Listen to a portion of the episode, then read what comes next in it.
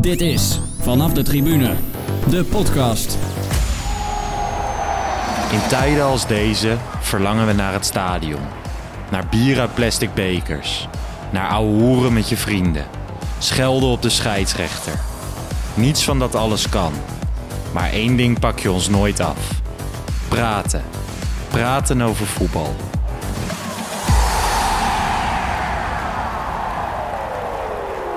Yes, Jeroen. Bas, goedenavond. Goedenavond, hoe is het? Ja, goed. Nog steeds ook weer gezond. Ja, En eh, ja, weer eh, de tijd even nog steeds een beetje aan het uitzitten. Hè? En ja, ik moet wel zeggen dat eh,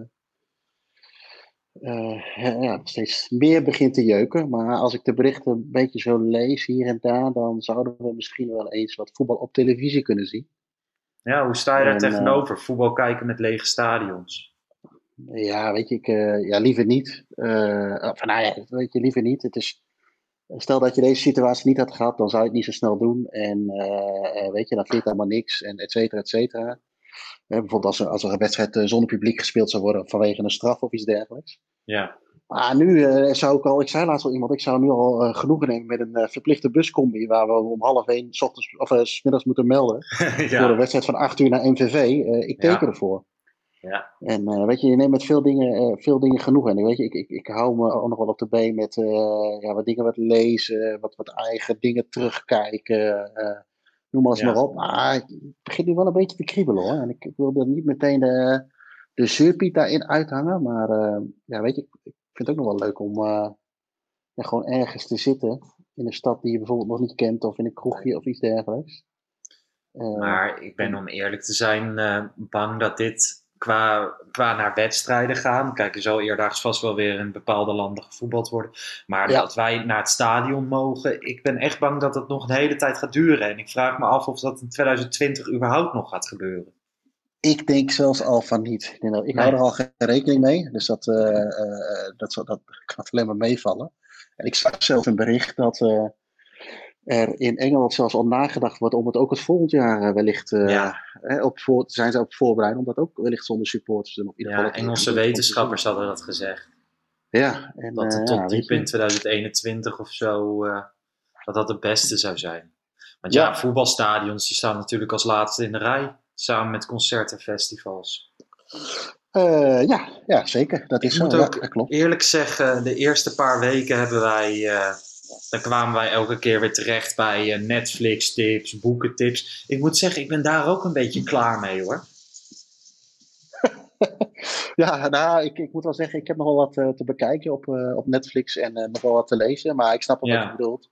Kijk, je kunt je, je kunt je dag een beetje uittekenen, hè? Hoe, hoe Ja. die gaat verlopen. En je merkt dat je gewoon even, even wat anders wil.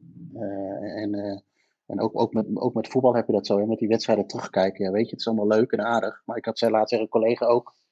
Zo'n Nederlands-Spanje, dat is leuk. Maar niet die hele 90 minuten. Want je weet, hoe, je weet hoe het eindigt. Ja. Eh, en, en je weet dat er veel goals vallen. Dat heb je met die wedstrijd dat je daar nog voldoende eh, genoeg bij. Eh, maar ja, ik, ik, ik vind het helemaal niet leuk om 90 minuten ergens naar te Ja. kijken. Maar ehm, ja, je hebt vast nog wel wat leuks gezien of gelezen. Wat, wat is jouw tip deze week? Eh, eh, qua boeken bedoel je? Ja, ik moet Ja, of zeggen, eh, ik heb, films eh, of iets. Muziek. Nou, ik ben nu eh, die documentaire van, eh, van, eh, van eh, The Last Dance aan het kijken van, eh, Ja. van de Chicago Bulls met Michael Jordan. Dat vind ik erg interessant. Ja. En eh, als je dan toch een beetje richting de sport eh, eh, moet kijken. Eh, ja, en ik heb nog wel wat andere op de, op de lijst staan. Maar ik moet eerlijk zeggen dat ik deze week voor mijn gevoel ja, eigenlijk dus niet zoveel, niet zoveel gedaan heb, denk ik. Nee. Eh, dus eh, wat dat betreft een beetje werken en en en that's it. Ja, The Last Dance wordt natuurlijk door heel veel mensen getipt. Dus ik Ja. zelf wacht tot alle afleveringen erop staan. Dat vind ik dan toch lekkerder dat ik in één dag alles kan kijken. Ja. Ehm, zelf heb ik als tip. Ja, ja, het is geen eens een tip meer. Want eh, ja, ik weet niet. Volgens mij eh, zit die jongen al helemaal vol met complimenten. Poept die complimenten inmiddels. Maar die eh, Sam van Raalte van de wereld van Ja. Vice Sports. Die had weer drie delen uitgebracht over die eh, spookvoetballer Verhagen. Ja. Ja. Ja. dat, kijk, die, hij heeft gewoon een podcast gemaakt volgens mij waar, waar podcast voor bedoeld is. Gewoon een beetje het. ehm, ja, ik vind dat echt magistraal wat hij heeft gemaakt. Heb je ze geluisterd? Nee, nog niet. Ik moet heel, eh, eerlijk zeggen dat eh, eh, wij in het verleden nog wel eens, eh, weet je, als je op kantoor zat of in de auto of je was Ja. even buiten, dan zet ik vaak wel even een podcast aan. En thuis is het toch, krijgt toch eh, K3 de, Ja. het voordeel. Anders eh, staat de boel op de kop. nee, ja, maar de- ik zou die echt, eh, echt luisteren. Want dat is eh, echt heel erg knap wat hij heeft gemaakt. Wat ik ook wel opvallend vond. Ik heb een podcast geluisterd, een, een Engelse podcast, een- de High Performance Podcast of zo. En daar was eh, Robin van Persie te gast. Ja, En ehm, eigenlijk heb ik twee mensen altijd de meest verschrikkelijke mensen ter wereld gevonden. En één daarvan was Robin van Persie en die ander was Dirk Kuyt. ja, Ehm, nou, ik zei die ander was Dirk Kuyt, maar is Dirk Kuyt. Eh, maar Robin van Persie komt echt heel erg goed naar voren in die podcast. Vertelt mooi. eh, de presentatoren stellen ook goede vragen. Wat, Ja. eh, wat ook een groot verschil maakt. Misschien kunnen wij daar ooit nog wat van leren. ja, maar ik vond dat een hele toffe podcast. En mijn beeld van hem is ook veranderd. En dan ga je ook, ik weet niet of jij dat hebt, maar als je over iemand iets luistert of leest, dan ga je ook weer op YouTube op zoek naar beelden. En, Ja. en dan kom je bij allerlei dingen terecht. Dus uiteindelijk kwam ik bij goals van Bergkamp en Henry en zo. En zag je hoe mooi Arsenal was. ja. Eigenlijk alles wat het nu niet meer is. Maar eh, ja, dat is nog wel een tip, die podcast. En verder heb ik heel weinig gekeken en, eh, en ook niet gelezen. Dus, eh, nou ja, vandaag hebben we ook weer een gast. Ja.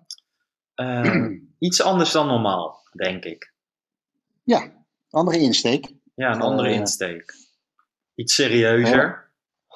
Ook dat. En, maar wel uiteindelijk natuurlijk eh, ontstaan door een van jou, eh, of onze, hè, maar in ieder geval deze tip kwam van jou. eh, Ja, Waar wij steeds eh, een beetje bespreken wat we eigenlijk in deze coronatijd doen om te overleven. Eh, Ja. Dat was een documentaire die jij had gezien. Die tipte jij om eh, even te kijken.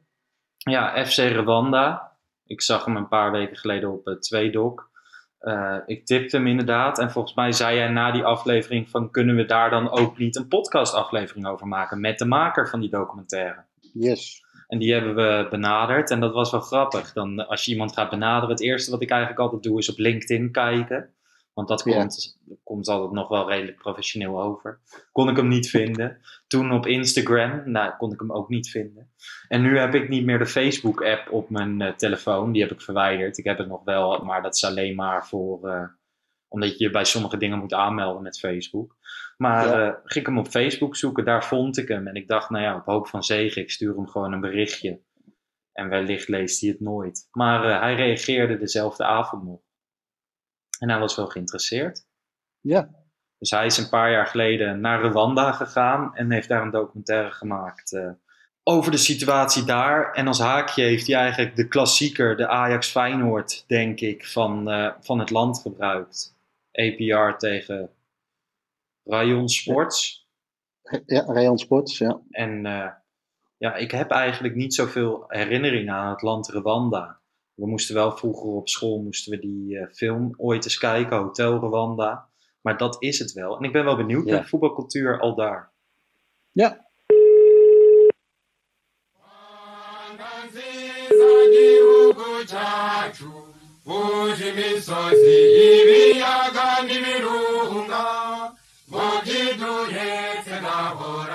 Yes, als het goed is hebben we Joris aan de lijn. Klopt dat? Ja, goedenavond. Goedenavond.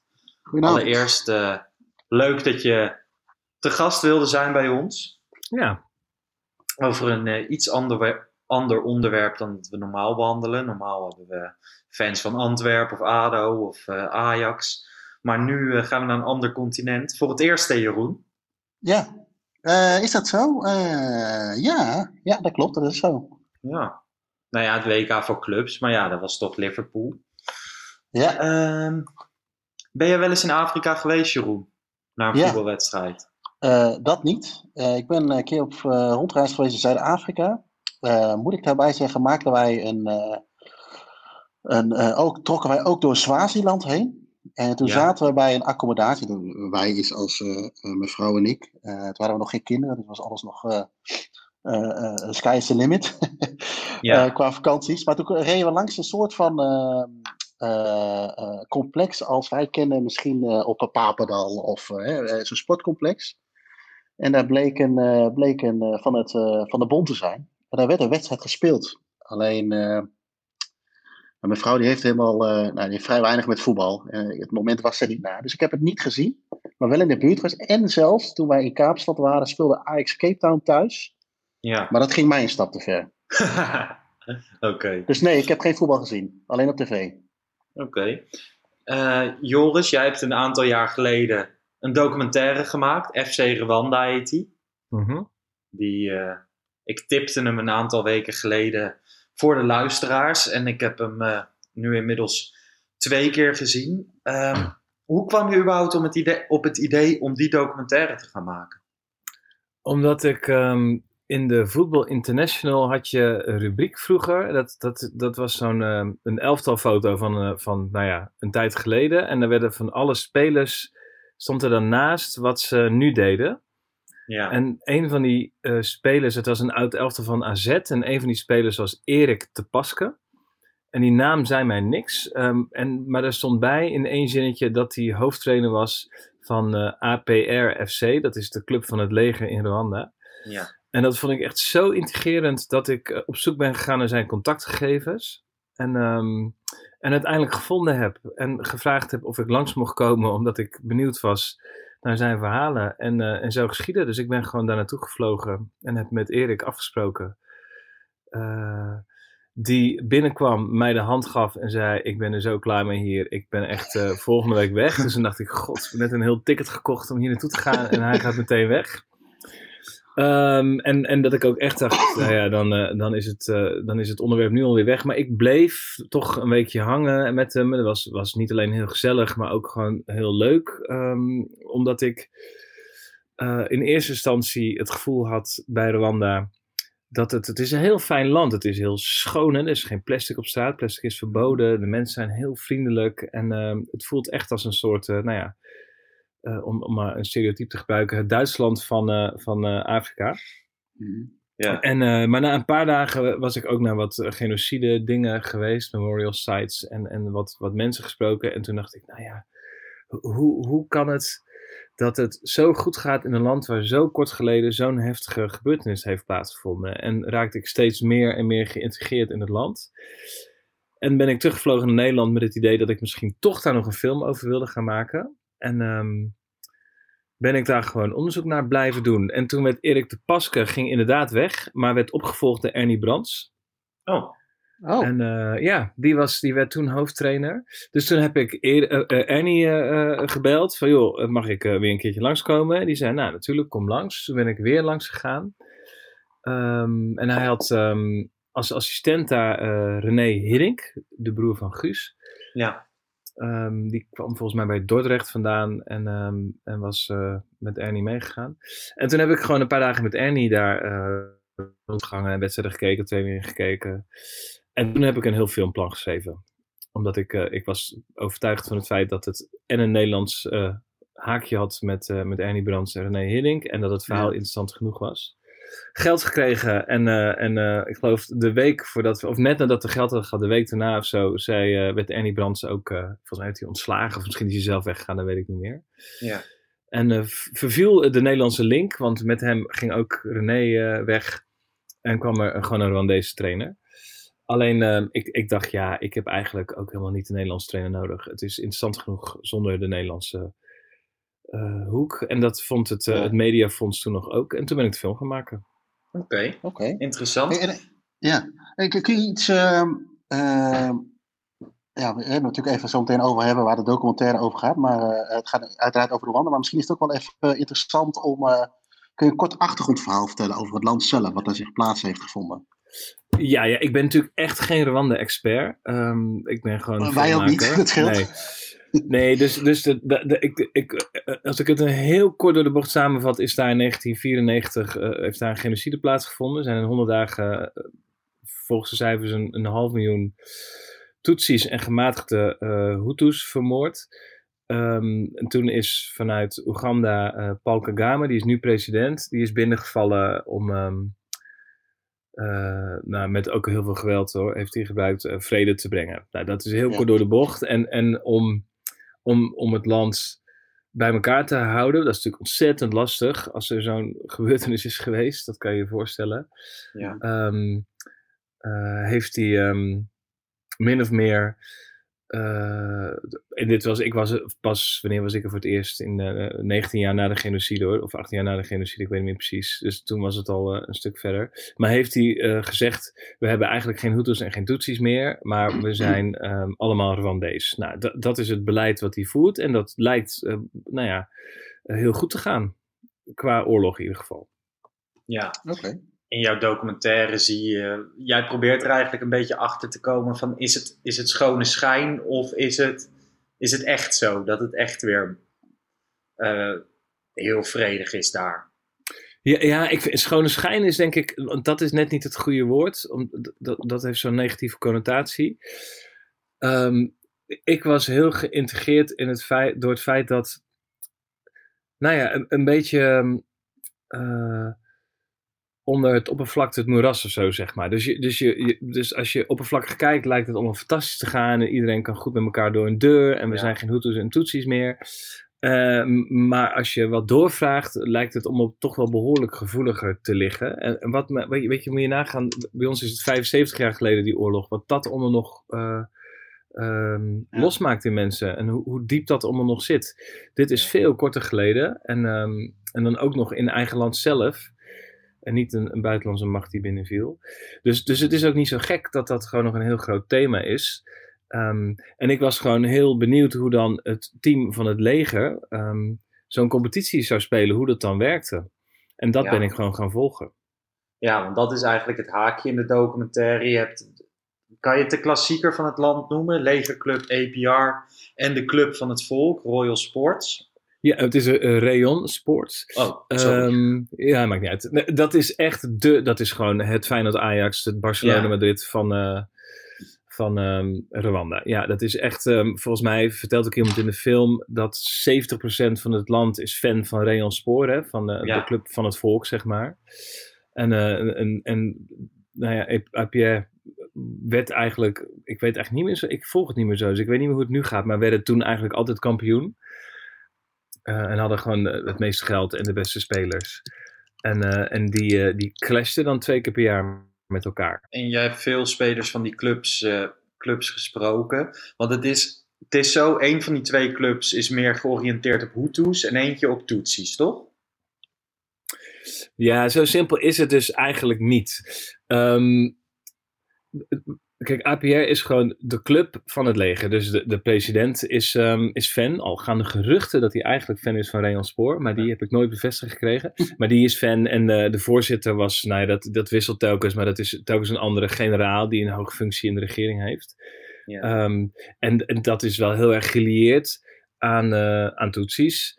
En, ehm en Rayonspoor is, is echt de club van het volk. Maar in beide teams spelen Hutus en Tutsis. Dus het is niet dat de teams eh, bestaan uit spelers van één groep.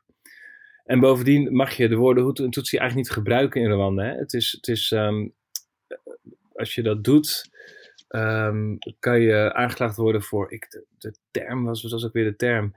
Nou ja, het aanzetten tot haat of zo, omdat je daarmee verschillen aantoont tussen verschillende. Dus, dus het wordt, je, je kan, ik kon daar zelf ook met, eh, met mensen heel lastig over praten. Omdat zeker met een camera, omdat mensen daar eigenlijk helemaal niet over willen praten, omdat ze gewoon bang zijn voor de consequenties. Dus het is, het is niet zo rechtlijnig. Het is meer dat de, de een is echt de club van het leger, de ander echt de club van het volk. En tussendoor is het, eh, is het een mix. Ja, want die Club van het Volk, wat ik uit de documentaire een beetje begreep, is wel echt ook de, eh, qua eh, supporters de, echt de grootste club van het land. Ja, met, met heel veel voorsprong. Ja, ik, ik zal de percentage weet ik niet meer helemaal uit mijn hoofd, maar dat is minimaal drie kwart had ik het idee, wat een beetje bijgebleven is. Ja, ik dacht 70%. Ik weet het ook niet Ah, meer. Volgens nou, mij is het, bijna. maar het is heel veel in ieder geval. En je hebt dan, eh, want heb je, eh noemde je het al, dat, dat je hè, de woorden niet mag gebruiken of die termen niet mag gebruiken. Eh, Hebben daardoor mensen ook wel eens geweigerd of zijn ze eh, halverwege een interview wel eens gestopt met van, nou weet je, ik, ik praat hier liever niet over of dit wordt me te, eh, of gevaarlijk of eh, te, te, te emotioneel. Dat kan natuurlijk ook. Nou, ik, het was, ik had een tolk ehm, die heel goed Engels sprak. Een deze man. ehm, die, die echt heel goed was. En, die, en dat noem je een fixer. Hè? Dus die, die regelde alles voor mij van vergunningen tot, tot waar we heen moesten en hoe laat we waar moesten zijn. Maar die ook Ja. gewoon zelf journalist en, en filmmaker was. En die, eh, dus die, die was echt van alle markten thuis en heel talentvol. En die, eh, daar, had, daar heb ik heel veel mee gesproken voorafgaand aan het draaien van hoe, doe ik dat, weet je? Wanneer, wanneer ga ik, want ik wilde natuurlijk niet dat iemand in gevaar zou komen door een film die ik dan wilde maken om in Nederland uit te zenden. Nee. Dat was, was natuurlijk echt, ja, dat zou ik echt verschrikkelijk hebben gevonden. Dus die heeft echt de grens bewaakt, zowel tijdens interviews. Dat Ja. als het te ver ging, zei hij ook tegen mij: Dit, is, dit moet je niet doen. En eh, die vraag moet je niet stellen. Of, of dit moet je niet gebruiken. En ook eh, soms dat hij zei: Weet je, je moet dit interview met deze persoon gewoon niet doen. Want dat levert alleen maar gezeik op voor heel veel mensen. En, ehm, dus ik, da- daar werd ik constant heel erg in geholpen. Want dat is voor mij echt niet in te schatten, natuurlijk. Wat wel en wat Nee. niet gezegd mag worden eh, en problemen oplevert. Hoe is die voetbalcultuur daar? In de laatste shots van jouw documentaire spelen ze tegen elkaar, APR en Rayon Sport. Ehm, en daar zie je, zie je heel veel fanatisme. Is dat een beetje te vergelijken met hier in Nederland of andere Europese landen? Nou, ik, ik, het is denk ik niet zozeer te vergelijken. Het is in zekere zin met alle voetbalwedstrijden te vergelijken, omdat het nogal universeel is. Hè? Ja, En supporters die elkaar eh, eh, figuurlijk naar het leven staan en, ehm, en eh, strijd voeren en weet ik het allemaal. Dat, dat is overal hetzelfde, denk ik. Wat het misschien net iets anders maakt, is dat in Rwanda je niet zomaar mag demonstreren, bijvoorbeeld. Dus je mag niet je onvrede over het bewind laten blijken. Maar in een voetbalstadion kan je wel gewoon juichen tegen de club van dat bewind. Dus het is eigenlijk, dat, dat zeiden mensen ook tegen me, niet op camera, maar wel gewoon eh, daarnaast. Eigenlijk is het gewoon een soort eh, toegestane demonstratie. Dit is hun manier om onvrede te uiten. Door te Ja. juichen voor Rayon Spoor. Want, want ik, ehm, ik wilde hem eigenlijk wat later stellen, maar ik had, even, ik had hem genoteerd. Wat mij opviel bij die wedstrijd met die supporters die gevolgd hebben, wat inderdaad beetje aan het einde is, is dat ze een bepaald gebaar maken tijdens de wedstrijd. Ja, Ik had het idee dat het een beetje een mes op de keel gebaar was. ja. Eh, eh, Heb ik dat goed gezien? Of? Ja, dat doen ze. En, en, maar dat is natuurlijk nogal multi-interpretabel, hè? Want ik bedoel, eh, Ja. support, supporters in Nederland kunnen ook behoorlijk heftige gebaren maken of liedjes zingen.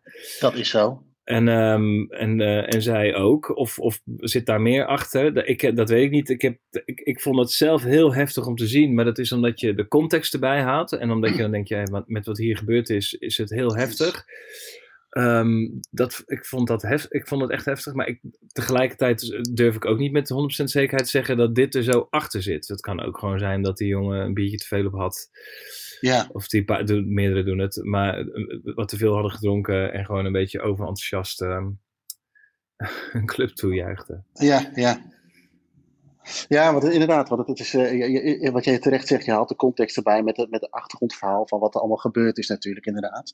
En, en ehm, eh, had jij een bepaald, eh, ja, heb je misschien al wel een beetje verteld, maar had je een bepaald doel met deze documentaire, wat je ermee wilde bereiken of wat je ermee wilde vertellen? Nou, ik vind dat soms, dat zijn altijd hele lastige vragen waar ik nooit zo heel goed antwoord op weet. Wat ik, ehm, weet je, ik, er zit iemand in de film die heet eh, Daniel, dat is een, een, een filosoof en hij was tevens mijn vertaler, daar, daar ken ik hem van. En die, die bleek zo goed eh, te spreken dat hij uiteindelijk in de film kwam eh, als filosoof, wat zijn, wat zijn vak is. En die zei op een gegeven moment, weet je, verzoening zit hem niet in, in statistieken of in tabellen of in, weet je, dat soort dingen. Verzoening zit hem Mhm. gewoon in met elkaar durven praten en, en dingen durven bespreken.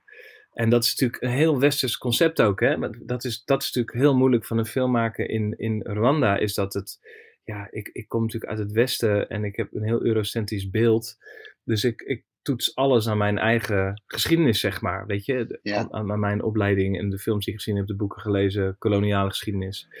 Dus dat vind ik dan heel lastig. Maar ik, en, en, en dat is waar ik nu heel erg mee bezig ben te vallen. Maar dat- ik weet dat ik toen wel dacht, ik geloof wel dat Daniel misschien hier een punt maakt. En dat het misschien goed is als mensen, zij het misschien voorzichtig, maar wel met elkaar in gesprek blijven. En niet eh, doen alsof er niks aan de hand is. En, en het is lastig, want als je de, de- de- het is, ze noemen het de genocide op de Tutsis, noemen ze de, de genocide. Eh, maar dan sluit je natuurlijk de Hutus een beetje buiten. En dat, dat zijn nogal veel mensen, want dat is een veel grotere groep. En Daniel zei al- altijd heel slim: van ja, weet je, als je blijft focussen op het kwaad wat de Hutus tegen de Tutsis hebben gedaan, dan, dan kom je nooit nader tot elkaar. Je moet eigenlijk daar voorbij gaan en met elkaar gaan praten. Nou, ik, dat is denk ik wat ik met de film wil laten zien. Ah, oké, oké. En, en, en ehm, ehm, eh, wat me ook wel een beetje bijgebleven is, was het, het begin, zeg maar. Dat, eh, van, eh, volgens mij is dat in het stadion op het trainingsveld bij APR. Is, dat vond ik een wat ongemakkelijk begin. Of ongemakkelijk, nee, dat moet ik anders zeggen. Een ongemakkelijk moment. Dat je met die camera naar die groep spelers toe loopt. Die, die groep die wordt toegesproken door iemand in legerkleding. Eh, ik weet Ja. niet precies wie het was. Maar er wordt wel eventjes zo gezegd van, nou weet je, nu even niet. En ik heb straks, eh, daarna, als ik hier klaar ben, heb ik tijd voor je. Maar er wordt, zo keek ik er een beetje naar. Misschien is het niet helemaal, het, eh, zo heb je het misschien ander, hebben jullie het anders gevoeld. Maar best wel op een bepaalde dwingende toon gedaan. Ik dacht van, nou, dat is een, eh, dat is een lekkere binnenkomen. Wat is de context van dat stukje eigenlijk dus, aan het begin? Weet je wat ik bedoel?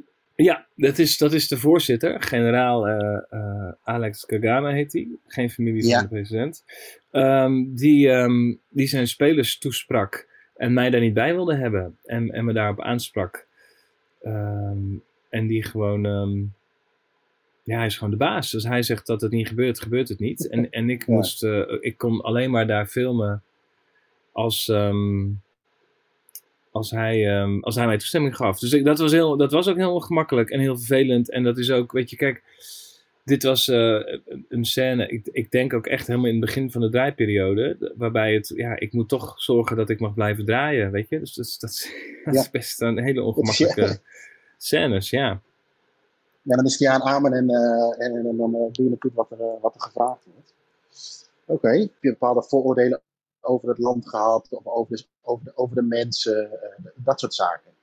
Kijk, als ik, wij spreken op vakantie gaan naar, ja, ik noem wat, als, wij gingen naar Zuid-Afrika op vakantie, nou, bepaalde, bepaald beeld bij. Een vooroordeel klinkt misschien een beetje oordelend, maar dat, dat zijn het uiteindelijk ook natuurlijk. Had je, of gingen jullie heel blanco in en ehm, eh, kijken, ki- kijken wat het wordt? Nou, kijk, ik was daar natuurlijk, eh, ik denk, drie of vier keer geweest voordat ik ging filmen. Hè? Dus ik had er heel veel onderzoek gedaan. Ja, dat is waar, Ehm, ja. Dus ik wist al wel redelijk wat er te halen was en niet. Ik had besloten om gewoon elke dag naar de training te gaan. Dus ik heb ook in mijn research elke dag ben ik naar de training gegaan. Eh, Ja. Zodat ze echt op een gegeven moment, dat ik zo onderdeel was geworden van dat trainingscomplex, dat ze me eigenlijk niet meer zagen. Eh, dus ik, ik werd op die manier ergens zo onderdeel van dat team. eh, dat, ik, dat ik behoorlijk toegang kreeg. Het, het veranderde een beetje toen, toen ik de, de tweede reis of zo dat ik ging filmen. Volgens mij ben ik drie of vier keer teruggegaan om te gaan filmen, daadwerkelijk nog daarna. Dat, eh, dat ik geen toegang meer kreeg van de generaal tot de spelers. Eh, en, en, en dat was heel, heel ingewikkeld, omdat ehm, ja, als je geen toegang krijgt, is het moeilijk om een film te maken. Ja. Eh, en, en, dat was, eh, vond ik heel lastig hoe ik dat moest doen. Dus dan moest ik soms om zes uur 's ochtends kon ik dan, eh, kon ik dan snel, voordat iemand zich moest melden ehm, voor het ontbijt op de club, kon ik dan snel nog even draaien. Weet je, dat iemand ging hardlopen of snel een interviewtje doen. En en dat, is, dat gooide alles op zijn kop. Want ik dacht op een gegeven moment, nou, dit, dit gaat wel lukken. Ik ben er zo in. En toen moest ik helemaal omschakelen naar hoe sprokkel ik alles bij elkaar. En dat, dat was heel ingewikkeld. Eh, en dat is, dat is volgens mij net gelukt op het nippertje. Maar dat was wel heel spannend. Tot de allerlaatste draaidag of dat ging lukken. Want, want- want dat hangt er toch altijd wel een beetje boven voor je gevoel. Hè? Dat elke dag of eh, de volgende dag zomaar anders kan zijn. En waar wij hier natuurlijk redelijk gestructureerd zijn en afspraak is afspraak. eh, heb ik zo'n gevoel dat het daar wel eens elke dag anders zou kunnen, kunnen, kunnen Nou ja, zijn. Het is echt bizar. Ik ben er heen gevlogen een keertje voor de wedstrijd APR tegen Real Spoor. Die was dan, ik verzin maar wat, op, eh, op woensdag. En op eh, maandag, toen ik daar dus al was met de crew, werd besloten dat de wedstrijd niet doorging. Omdat het Oegandese leger op bezoek kwam met een team. En dan gingen die voetballen tegen elkaar. En dan was ik dus helemaal vanuit Nederland met cameraman en geluidsman daar naartoe gevlogen. voor de wedstrijd van het jaar, die gewoon gecanceld werd. En, eh, en, en voordat er dan een nieuwe datum is, weet je. Dus dat, dat was allemaal echt heel ingewikkeld qua plannen, inderdaad. Ehm, Maar ik had, ik bedoel, ik zal niet de uitkomst verklappen, maar ik had uiteindelijk ontzettend geluk met de wedstrijd die ik had tussen APR en Reemspoor. Dus, ehm, dus uiteindelijk komt dat om goed. Weet je, bij dit soort dingen is het ook een beetje, als je maar goed genoeg weet wat je wil vertellen, dan kan je het altijd wel vinden. Dus als er, als er dan iets mislukt, kan je vrij snel schakelen naar een volgende Ja. scène die misschien leuk is of interessant. En, eh, en, en, maar dat, ik heb echt vele nachten wakker gelegen tijdens het maken van deze film. Ja, kan ik me wel eens bij voorstellen. Ja, maar de- wat ik eigenlijk nog wel wilde weten is, ik vind het opvallend dat eigenlijk de legerclub, eh APR, is, zijn de, is meer Tutsi georiënteerd vanuit de overheid. En de grote dan meer de club van het volk, de Hutus. Maar is die, is die verhouding altijd zo geweest? Dat je veel meer Hutus had dan Tutsis, ook vroeger al, voor de genocide? Nou ja, nogmaals, ik ben echt geen Rwanda-expert, maar de, Nee, dus de, de verhouding is echt, eh, volgens mij was het lang 80, 20 of 85, 15 Hutu versus Tutsi. Ja. En dat is nu eigenlijk. Die hebben nog nog steeds de steeds, overhand. Ja. Nou, de, de, Alleen- dus de president nu is Tutsi, dus, nu, de, dus de 15% heeft nu de overhand, zeg maar. Ja, dat vond ik opvallend om te zien. Dat je eigenlijk een minderheid he- hebt die de regering vormt. Ja, maar de- kijk, als je heel ver terug zou gaan in de geschiedenis, wat ik wel gedaan heb toen, maar nu niet meer weet, is dat ook gewoon een deel- en heersstrategie van de Belgen geweest. En, en volgens mij, ik, weet je, het is niet zo, volgens mij is het helemaal niet daadwerkelijk een, ehm, een eh, ander ras of zo, hè? maar is het, de, de verdeling was volgens mij dat mensen met meer dan 100 koeien, dat, die werden Tutsis genoemd door de Belgen, en mensen met minder dan 100 koeien Hutus. Zo, zo- volgens mij is dat eh, de verdeling geweest, en dan weet ik niet meer de, de hoeveelheid koeien. Maar het is allemaal best wel arbitrair. Bovendien is er heel veel getrouwd met elkaar, weet Ja. je, dus het is, het is allemaal... Voor mij is het echt heel moeilijk te zien hoor, verschillen. Ik, ik, het is echt... eh, Ja, het is, het is sowieso niet. eh, want er werd volgens mij in de documentaire ook iets gezegd van dat eh, het eh, in, is, in het verleden het idee was dat je het aan de, aan, aan aan de neus kon zien of aan de vorm van de neus Ja. en dat soort dingen. Maar dat is natuurlijk heel lastig. En dat sommigen ook niet wilden weten wat, wat hun achtergrond was. Of dat hun oma toevallig met een ander getrouwd was. Of hè, van, van het andere, dus aanstekend soort, om het Precies, even zo te ja. noemen. Hey, en en, en die, die, die wedstrijd, die, die, die, die, die, laat die laten jullie ook zien in de documentaire. Hoe, hoe zit het überhaupt? Kijk, wij zijn eh, misschien spreek ik dan ook even voor alle luisteraars, maar we weten allemaal hoe de stadions in Nederland eruit zien, of in Duitsland, of in België, of in Engeland. Eh, wat moeten we daar iets precies bij voorstellen bij zo'n bij zo'n wedstrijd, of bij die, überhaupt de competitie? Kun je daar Nou, iets over ik- vertellen? Ja, ik vond dat echt fantastisch. Ik heb wel echt een zwak voor gewoon. ehm, ehm, ik heb veel gewerkt ook. Ik heb veel wedstrijden geregisseerd als regisseur in Nederland. Ik was ook altijd heel blij als ik naar de graafschap of zo mocht. Ik vind het heel fijn, die, die wat kleinere clubs. ehm, toen ze nog eerste divisie speelden. Ik, ik, het grote stadion, de clubs hebben niet een eigen stadion. Dus de stadions zijn gewoon van de staat. Dus in de hoofdstad Kigali zijn, weet ik het, vier, vijf stadions. En je, je krijgt gewoon een stadion toegewezen. Je hebt niet je eigen plek. Ehm Eén stadion, het Amahoro Stadion, dat is een heel groot stadion. Daar kunnen volgens mij, weet ik het, 30.000 mensen in. En dat is, ehm, nou ja, misschien niet... Nou ja, dat is gewoon echt een mooi, modern stadion met, met volgens mij ook wel een prima veld. Een atletiekbaan eromheen. En ehm, dat ziet er gewoon echt, echt goed uit.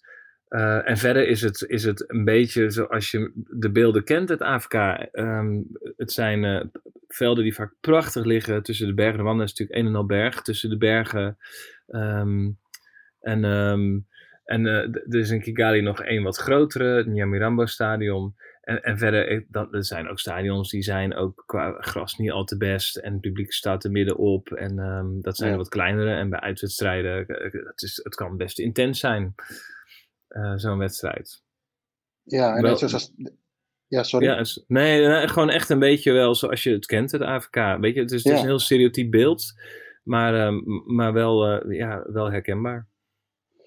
En ehm, ik wou net wat vragen, misschien de vraag even bij me weg, maar dan geef die komt, die komt straks wel weer terug. Maar ehm, hoeveel mensen eh, eh, zaten er bijvoorbeeld bij die toppen, eh, bij, bij die wedstrijd? Want het zag natuurlijk, het zag er wel druk uit, omdat je natuurlijk misschien met bepaalde shots te maken hebt. Maar waar moeten we nou aan denken? Eh, een paar duizend man, tienduizend man? Nee, Of? ja, nee, dat zijn er wel veel hoor. Dat zijn, het stadion is echt groot. Daar worden ook de, de genocide-denking gehouden. Ja? Ook, ja, dat, volgens mij kunnen daar. God, dat, eh, dat, dat is vast te googlen. Maar volgens mij kunnen daar wel 20.000, 30.000 mensen in. Allemaal, ik google het gewoon even voor jullie, hè? Als Ja. toch, eh, Dat wordt een kunnen nieuw eh, bucketlistje, Lars. zo, op deze 30.000 manier. mensen. 30.000 mensen. Ja, dus dat is echt flink hoor. En dat zat er die dag ook bij die, bij die wedstrijd, zeg maar.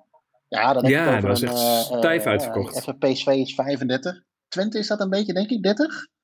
ja, volgens mij hebben die heel Nederland, iets minder. Maar inderdaad, Ja. Ja. ik denk rondom dat. Ja, En- dus dat is echt best, eh, dat is best groot hoor. Ja, ja.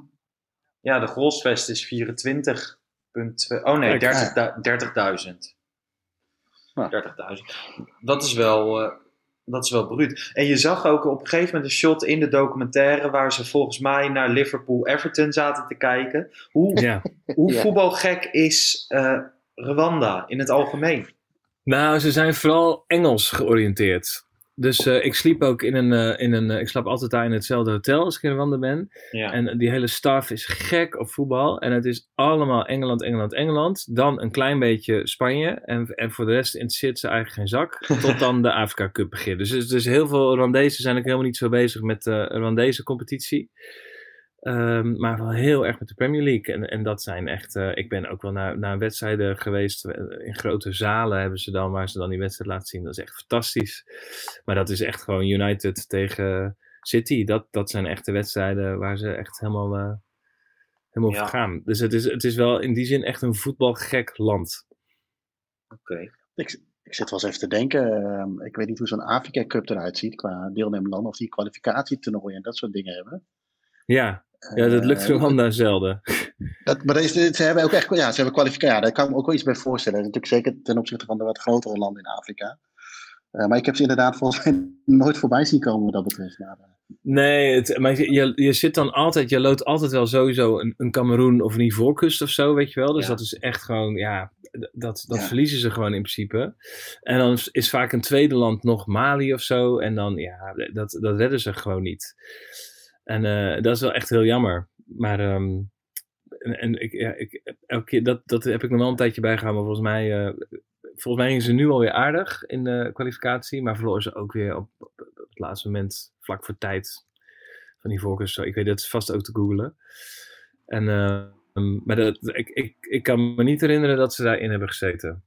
Ooit vast wel hoor, maar niet de laatste jaren. Nee. Maar je hebt, je hebt altijd wel in Afrika, heb je opeens zo'n verrassend land dat dan eh, meedoet aan de, aan de Afrika Cup. En ook nog wel vrij ver komt. Maar ik heb het inderdaad even Nou ja. Gabon, die dan wint. Ja. ja, en Zambia een paar jaar geleden. Zambia, Zambia won, precies. Ja. Ja. In 2012 volgens mij. Maar ehm, Rwanda heeft in 2004 meegedaan. En toen zijn ze in de groepsfase uitgeschakeld. Oh ja, nee, dat is dan best kort geleden. dat is een mooie triviant vraag. Ja.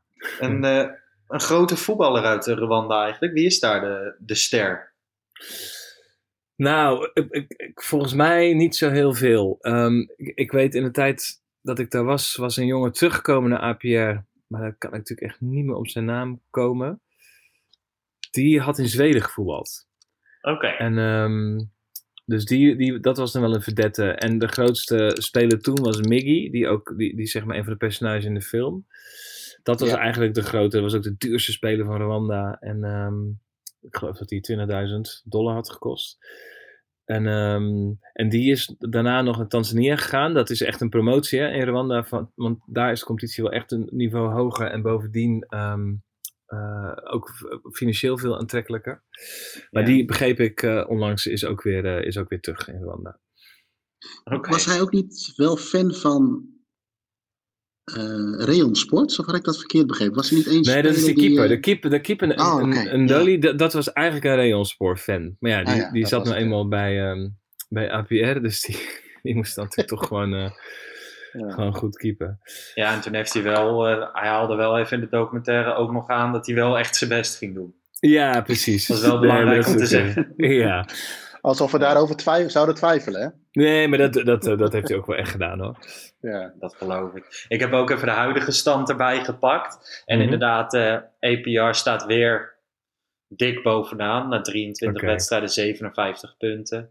Ja. Voor, 6 punten voor op Rayon Sport. Dus Ja. eh, volgens mij is er in die, die jaren niks veranderd. Nee, nee. Het, was, het, het was wel. Goed, ik wil niet veel verklappen, maar het was vrij spectaculair, de ontknoping van die competitie. Dat Ja. jaar dat ik, eh, dat ik daar was, toevallig. Ja. En, ehm, maar blijkbaar is dat, eh, is dat weer omgedraaid. Ja. Hey, ik ben nu, wat is het, 26 jaar verder, zeg ik dat goed? Wat Ja. zeg je? Je bent nu 26, we zijn nu 26 jaar verder dan eh, dat die documentaire. Nee, dat zeg ik verkeerd. Eh, we zijn nu, eh, hoeveel jaar zijn we nu verder dat die documentaire? Van zes jaar. Die, sorry, die zo do- documentaire is in 2013, dus zeven jaar geleden. Ja, Ja. ehm, En eh, 25 eh, jaar ja, na de genocide precies. Ja, dat, Ja. dat was het. Daar was ik even Ja. mee in de war. Ja. Eh, als je dat nu ziet, kijk je daar nu, hoe kijk je daar nu op terug? Eh, op, je, op je eigen, of op jullie documentaire? Ehm, nou, ik vind het echt, eh, ik ben er heel trots op. Ik vind het echt een mooie film. Ik vind dat die echt heel mooi gedraaid is door cameraman Wiro Felix. Ehm, ik vind dat er ook wel het een en ander op aan te merken valt vanuit veel verschillende ehm, perspectieven. Ehm, maar kijk, hij heeft voor mij eh, heel veel deuren geopend. Want hij werd geselecteerd voor ITVA, het, het, het, eh, het grote documentairefestival van Ja. Amsterdam. En, en dat is, weet je, dat, is, dat opent heel veel deuren. Dus het heeft voor mij de weg geplaveid naar meer documentaires. Dus ik ben er heel blij mee en heel trots op. Maar het is ook duidelijk een eerste documentaire. Oké. Ja. En waar ik nog benieuwd naar was, wat, wat vond jij zelf het meest indrukwekkende moment dat je daar hebt meegemaakt en dat misschien wel of misschien niet de documentaire heeft gehaald? Oh ja, ik vond echt heel veel dingen indrukwekkend. Ik, ik vond, er is een, ehm, ehm, een. In Kigali is een genocide museum. Waar wordt uitgelegd hoe, hoe het allemaal is ontstaan en wat er allemaal is gebeurd. Met, met Ja. echt heel grafisch. Dus echt met, met foto's en beelden en verhalen. da- da- waar je echt je maag van omdraait. Ehm, dat vond ik echt heel indrukwekkend, dat museum. Ehm, ik vond ook, wat ik van een hele andere orde, de openingsscène van de film is, is, is de bus die door de jungle rijdt. Dat vond ik ongelooflijk. Zo'n, zo'n, daar ben, zijn we s'nachts gaan draaien, zeg maar, of 's ochtends heel vroeg. Ehm, ik, dat, dat vond ik echt heel indrukwekkend. Vooral ook omdat er, eh, het is een enorm gebied. Hè? Het is een weg, je rijdt uren door die jungle. Het is vlak bij de grens met eh, Congo. En ehm, daar werden we opgepakt tijdens het draaien. Het was, het was de dag dat we naar, naar Amsterdam vlogen, allerlaatste draaidag. En eh, omdat er een geheime oefening in het bos was, wat wij natuurlijk niet wisten, aangezien die geheim was. ja. En toen mochten we wel nog de, de scènes verder filmen. Dus we mochten gewoon de shots maken. Er gingen er alleen wel soldaten in de bus mee. En toen waren we klaar met draaien. En toen werden we echt meegenomen naar een of ander eh, militair gebouw. En daar, eh, ja, daar zat gewoon vast. Terwijl we, wisten dat we nog, nog vijf en een half uur terug moesten rijden naar de stad. eh, en s'avonds onze vlucht ging. En ik, dat is ook wel echt, weet je, dat je in zo'n mooie omgeving zit. Echt op de, in Rwanda, maar aan de grens met Congo en Burundi. En, eh, en dan met, met die ontzettend vriendelijke soldaten hoor, overigens. Maar toch, ja, weet je, als de baas zegt dat je moet blijven zitten, moet je blijven zitten. Ja. Ja. Dat vond ik echt heel, heel bijzonder. En ook toen wel spannend. Eh, en ook omdat ik natuurlijk bang was dat ik mijn videokaarten moest inleveren. Hè? Dus dat we ons materiaal moesten Ja. inleveren. Ja. En eh, ik vond... ehm, ehm, ik ben eh, met, met, ehm, met een aantal spelers meegegaan naar herdenkingen van die genocide. Ja, dat, dat is natuurlijk echt... Weet je, dat gaat... Er zijn zoveel mensen overleden en vermoord. En eh, dat, dat is natuurlijk ook echt heel indrukwekkend. Ja. Dat Dat eh, museum dat je benoemt, Hmm. is ook. eh, eh, volgens mij zit die ook in de documentaire. Dat, is, volgens, dat je in die kamer staat met al Ja. die skeletten en zo, toch? Ja, ja. Ja, dat, dat was echt heftig om te zien. Heel, dat is Ja, die kerk, verschrikkelijk. ja. ja, die kerk, Ja. ja. Ja, en dat is ook wel een beetje in de tijd waarin we nu leven, in de coronatijd. Best veel mensen eh, ervaren het als zwaar of dat ze opgesloten zitten en eh, er wordt niet gevoetbald. Het zijn geen leuke dingen. Ik had na het kijken van deze documentaire had ik weer wat extra relativeringsvermogen. Ja. Ja, hij relativeert wel, ja. Ja, Nee, dat, dat, is we echt het nog waar. niet zo slecht hebben. Nee. Nee, en dat zet je ook wel aan het denken. Hè. Kijk, Ik heb ehm, eh, ooit een keer in eh, Cambodja wat eh, dingen gezien over de Oh, ja. Ja. Rode Khmer-tijd. En zijn we ook naar van die killing fields geweest. En toen heb ik echt s'avonds, was ik zo van onder de indruk, heb ik echt aan een sterke drank moeten gaan om even weer een beetje in de sfeer te komen van de vakantie. Ja. Want wat je dat allemaal ziet, dat is allemaal, ja, weet je, dat, ja, dat is niet, ja, gezond. Ik was helemaal van de leg, zeg maar. Dus ik kan me ook voorstellen als je dat dan ziet, dat het best wel wat indruk maakt. ja, heel veel. Ja. Wij hebben heel veel, eh, ons publiek dat ons luistert, is, zijn heel veel groundhoppers. Dat eh, betekent dat je allemaal verschillende stadions afgaat. In heel veel gekke landen in Europa. Jeroen, eh, Jij bent op heel veel plekken geweest. Zou jij Rwanda aanbevelen om een keer een voetbalwedstrijd te bezoeken, om een andere cultuur te proeven? Ja, ik zou, ik zou meteen gaan. En ik, zou, ik ben ooit bij een uitwedstrijd geweest van APR in een stadje dat heet Changugu. Dat is echt, aan, dat is echt op de grens met Congo. Eh, eh, eh, waar ze wat minder, ehm, nou hoe zou ik dat subtiel zeggen, maar iets minder hebben met het bewind in Kigali. En de, de sfeer was daar zo intens en zo agressief en zo heftig. En, en het regende van die tropische buien. En, en Ja. nou, ik, ik vond het echt fantastisch. Echt zo'n belevenis. Het is gewoon. De intensiteit is zo enorm. Ik, ik, ik genoot er echt heel erg van, van dat soort, eh, dat soort momenten. Dus ik zou, als je daar bent, echt zeker een wedstrijd gaan kijken. Hm. En, en, en het liefst natuurlijk, eh, als het je lukt, ik zou dan echt gaan naar een wedstrijd van Rayon Spoor bijvoorbeeld, omdat dat zo'n grote fanschade heeft. Of een uitwedstrijd van APR is ook echt, echt genieten. Ja. Ja. Zeker doen. Als jij dit zo hoort, Jeroen, als eh groot groundhopper, staat dat op jouw lijst? Eh, ik heb eh, wel op mijn lijst staan een, eh, een, een Afrika Cup.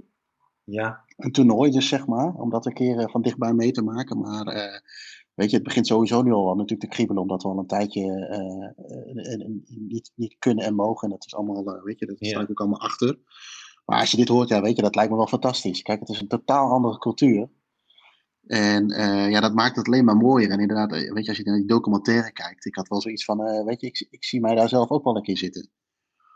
Eh, om Ja. op die manier te beleven. Of in een, in een land als dat. Maar kijk, dit heeft natuurlijk dan ook nog weer een mooi achtergrondverhaal. Dat, dat, dat spreekt mij ook wel weer aan. Dus, eh, dus ja, nee, ik, eh, dat, dat tri- triggert mij wel. oké. Hey, ehm, Joris, we zijn eh, bijna 40 minuten onderweg. Mhm. Het was een eh, hele andere aflevering dan dat we normaal maken, wat ik eh, vet vind.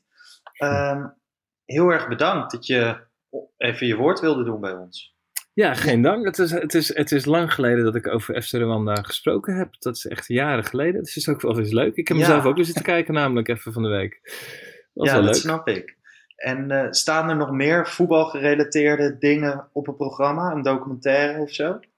N- nou ja, dat zou ik wel heel graag willen, denk ik. Maar ik heb niet nu iets. eh, ehm, ik ben er niet specifiek naar op zoek. Dus het is, als, Nee. er, als er iets voorbij komt, lijkt me dat heel leuk. Maar het, is, het staat niet in de planning nu. Nee. Oké. Nou ja, de documentaire is nog steeds te zien op eh Tweedoc of Toedoc, hoe je het ook noemt. Eh Twee doc. Tweedoc. Kijk, jij weet Ja. dat beter dan ik. Maar ik heb hem weten te vinden. eh, gewoon als je op Google invult FC Rwanda documentaire, dan kom je erbij terecht. Het is echt een aanrader. En zeker in deze tijd, wat ik net zei, het relativeert gewoon heel erg.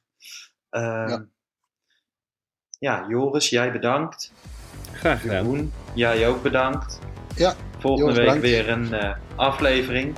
Waarschijnlijk gaan we Yes. dan weer terug naar het continent Europa. Maar eh, voor deze week was dit mooi. Tot volgende week. Ciao.